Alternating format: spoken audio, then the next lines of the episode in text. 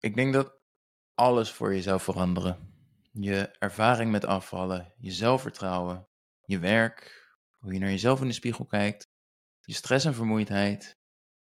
Als je vanaf nu zou leven met 100% betrouwbaarheid. Veel mensen weten wat ze moeten doen, alleen ze doen het niet. Of denken te weten wat ze moeten doen, maar doen zelfs dat niet. Er is namelijk geen accountability, er zijn geen consequenties. Doe, zo rot als het klinkt, je omgeving, maar ook jijzelf, verwachten het toch niet meer van je. Ik bedoel, El zou zich serieus zorgen maken, Els mevrouw, El zou zich serieus zorgen maken als ik ineens 5 kilo aankom. Wat is bij jou de reactie nog als jij 10 kilo afvalt, 5 kilo aankomt, 2 kilo afvalt, 10 kilo aankomt? Klinkt bot, maar voor veel mensen is dat business as usual. En het begint bij betrouwbaarheid. We kennen allemaal betrouwbaarheid. Ik bedoel, probeer een lening bij de bank af te sluiten. Daar denk je heel goed over na van tevoren. Die heeft namelijk consequenties. Je hebt uh, betalingstermijnen waar je aan hebt te houden en kom je die niet na, kom je die herhaaldelijk niet na. Volgens mij staat er op de deur gewoon een deurwaarde voor je neus en uh, heb je een probleem. Gaat het om je hypotheek, ben je op de duur gewoon je huis kwijt. Je denkt er wel zes keer over na voordat je überhaupt die lening afsluit en voordat je de afspraken niet nakomt. Terwijl afspraken met mezelf, zoals als ik nu de auto neem in plaats van fiets naar mijn werk, dan ga ik na het werk ga ik nog wel een half uur wandelen, zodat ik toch mijn beweging krijg. Als dat een eis was, je er echt niet onderuit kon komen, ongeacht wat, want dat is hoe die lening werkt bij de bank, dan zou je serieus gaan nadenken of je dat kan beloven. Dan denk je tien keer beter na. Nu? Nou ja, in het moment is het makkelijker vooruit te pakken voor de auto in plaats van de fiets, want het regent, ik heb haast, bla bla bla bla. Na je werk? Mwah, toch geen zin om te lopen. Oh, ik heb het nog zo druk. Oh, ik ben al zo moe. Terwijl de bank, die komt je halen. Je bent je kwijt. De meeste mensen zijn nog redelijk betrouwbaar naar anderen toe. In de meeste gevallen dan. ze houden zich aan deadlines, doen het werk wat van ze verwacht wordt. Maar het feit dat je regelmatig niet fit bent of zelfs ziek thuis zit, daardoor minder goed of zelfs helemaal niet werkt. Het is onbetrouwbaarheid die makkelijker geaccepteerd wordt, dat wel. Maar hoe leuker zou het zijn als je daar nog zelden last van had? Maar nog veel belangrijker. Hoe betrouwbaar ben je naar jezelf toe? Hoe vaak heb je het doel van afvallen gesteld en dat niet behaald? Hoe vaak zei je dat je het vanaf nu echt anders gaat doen? Maar als je erop terugkijkt, was het weer precies dezelfde jojo zoals altijd. ik begin gezond. Dat gaat zo goed dat ik erin doorsla. Of dat gaat niet goed, waardoor ik doorsla.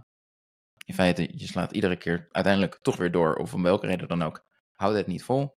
Komt weer aan. Waar is de betrouwbaarheid? En behalve dat je zelfvertrouwen en gevoel van eigenwaarde ermee kapot maakte, welke consequenties hingen eraan?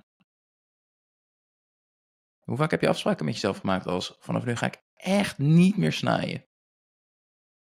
Om het nog geen week later alweer te doen. Omdat zelfs op het moment dat je die afspraak maakte, je weet dat je gewoon terug kan. Je kan gewoon weer snijden en het maandag weer opnieuw proberen.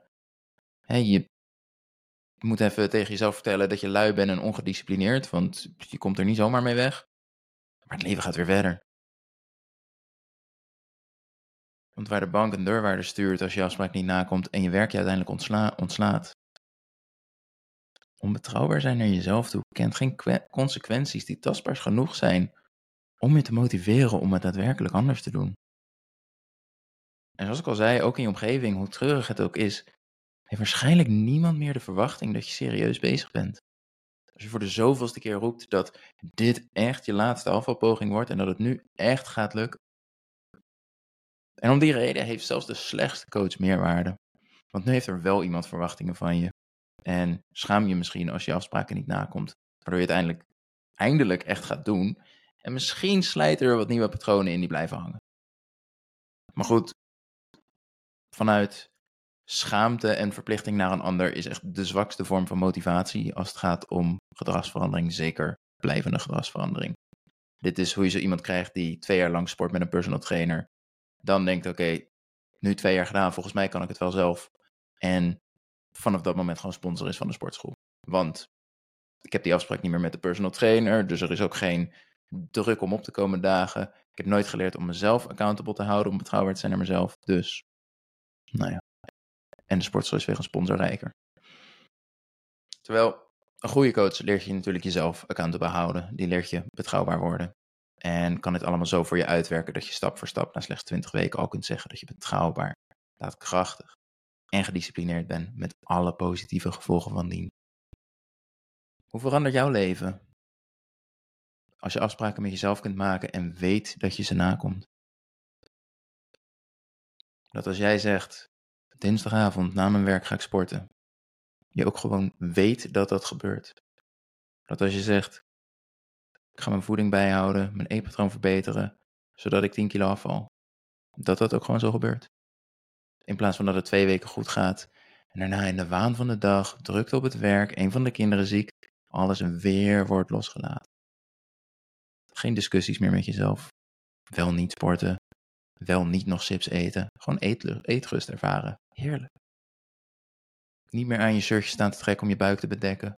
Klotsende oksels in de zomer omdat je de drang voelt om jezelf te bedekken terwijl het 30 graden is. Hoe lekker is dat?